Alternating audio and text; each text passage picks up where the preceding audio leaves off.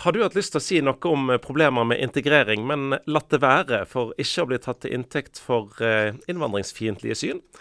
Eller kanskje vært kritisk til kommunens smitteverntiltak og syns at det er gått for langt, men eh, latt være å si noe om det offentlige av frykt for at eh, vaksinemotstandere og konspirasjonsteoretikere skal trykke liker på innlegget ditt.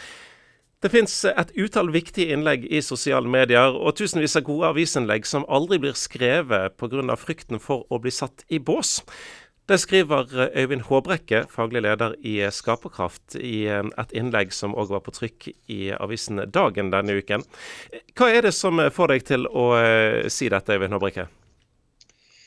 Jo, det er For det første så er det personlig erfaring som aktiv deltaker i samfunnsdebatten i mange år.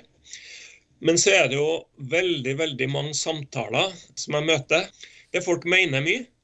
og har meninger. Og det, altså det er kloke, fornuftige mennesker men som lar være å ytre eh, stemmen sin fordi at de er redd for å bli satt i en bås. Og det har eh, Det må jeg si at det har gjort stort inntrykk på meg å, å høre hvor mange kloke stemmer vi går glipp av.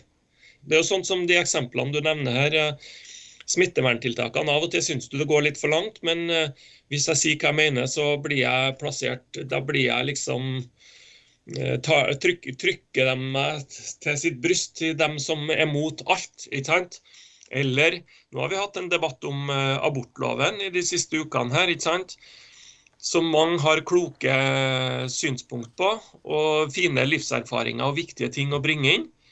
Men jeg vil jo ikke bli plassert som en mørkemann. ikke sant? Eh, jeg vil jo ikke bli sett på som en som osv.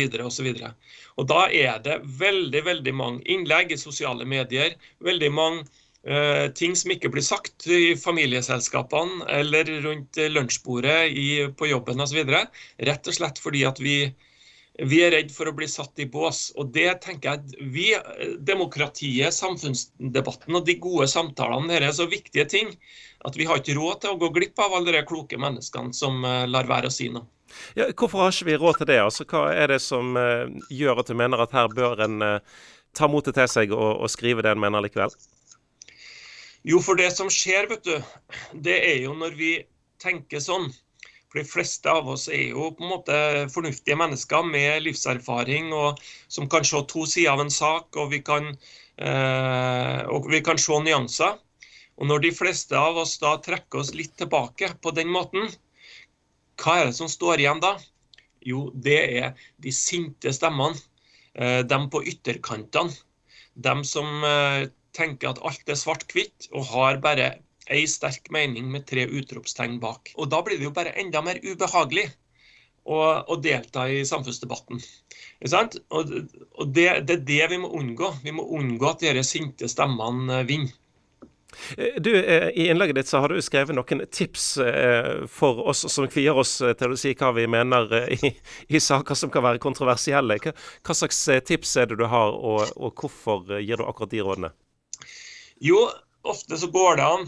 Ofte når vi er engasjert, så har vi lyst til å si noe, så setter vi utropstegn bak, og så, og så bang, det mener jeg. Men hvis du tenker litt om, så kan du sette det i en større sammenheng. Så går det an å si to ting på en gang. Jeg mener ikke at Eh, jeg er ikke motstander av alle smitteverntiltakene, men eh, jeg syns kanskje at nå har kommunen gått for langt osv. Så, så hvis man tar seg tid til å si to ting på en gang og Ofte så tenker man at hvis du sier på den ene sida og på den andre sida, så, så, blir man liksom litt sånn utydelig. Men jeg tenker at det, det bør være et hederstegn, det bør være et tegn på klokskap at du viser at du ser flere sider av en sak. Og Det skal vi tillate oss, og likevel skal vi ha, kunne ha tydelige meninger. Hvis, hvis vi overlater den arenaen til dem som gjør alt svart-hvitt, vel, da blir debatten svart-hvitt. Jeg tror f.eks. så er det jo det er jo sånn i dag, i abortdebatten, så er det jo sånn at uh, hvis du er kritisk og restriktiv til abort, så blir du veldig fort plassert i en sånn mørkemannsbås. Ja, Akkurat den problemstillingen er vel en som du kjenner godt sjøl, eh, for du stiller jo til valg bl.a. I, i Trøndelag for Kristelig Folkeparti til, til stortingsvalget til høsten. Og abort er jo et, et vesentlig tema for nettopp KrF. Ja, og, og jeg, jeg, tror jeg har gjort meg mange betraktninger om det opp gjennom årene. Hvorfor er det sånn at, du, at en kritisk stemme i abortdebatten med en gang blir plassert i bås? Og En av grunnene til at det skjer, det er jo nettopp det at det er så få stemmer som ytrer seg. Hvis alle vi som tenker rundt abortspørsmålet, enten man har klare konklusjoner eller man eh, syns at det er vanskelig, hvis mange flere av oss har faktisk har ytra oss, har sagt noe, så hadde det ikke vært sånn at du blir plassert i den båsen. For da hadde det vært så mange som hadde ytra seg, og, som hadde, også, og det hadde vært så mange nyanser og farger og stemmer i den debatten, at det hadde vært mye mye vanskeligere å plassere de enkeltstemmene og konservative stemmene i en sånn enkel bås. Men det jeg egentlig sier, er vel kanskje at om du syns at det er et hardt debattklima, at det er lett å bli satt i bås osv., så, videre, så er løsninga på det er ikke å trekke seg tilbake. For det er nettopp det som skaper det problemet. Og da blir båsene bare større og større, og større, og da blir det enda flere som blir plassert i dem fordi at du lar din kloke røst uh, tie. Og det, så det tenker jeg, heve oss over det. Kvitte oss med frykten for det. Og Så fremt du er et klokt og fornuftig menneske, og du lar din stemme høre, så vil kloke, fornuftige mennesker som hører på deg, de vil etter hvert forstå det. At det, du er mye mer enn den trange båsen folk prøver å plassere deg i. Vil det bli siste ord i P3-kommentarene denne uken. Og det var altså Øyvind Håbrekke vi pratet med, faglig leder i Tankesmien Skaperkraft.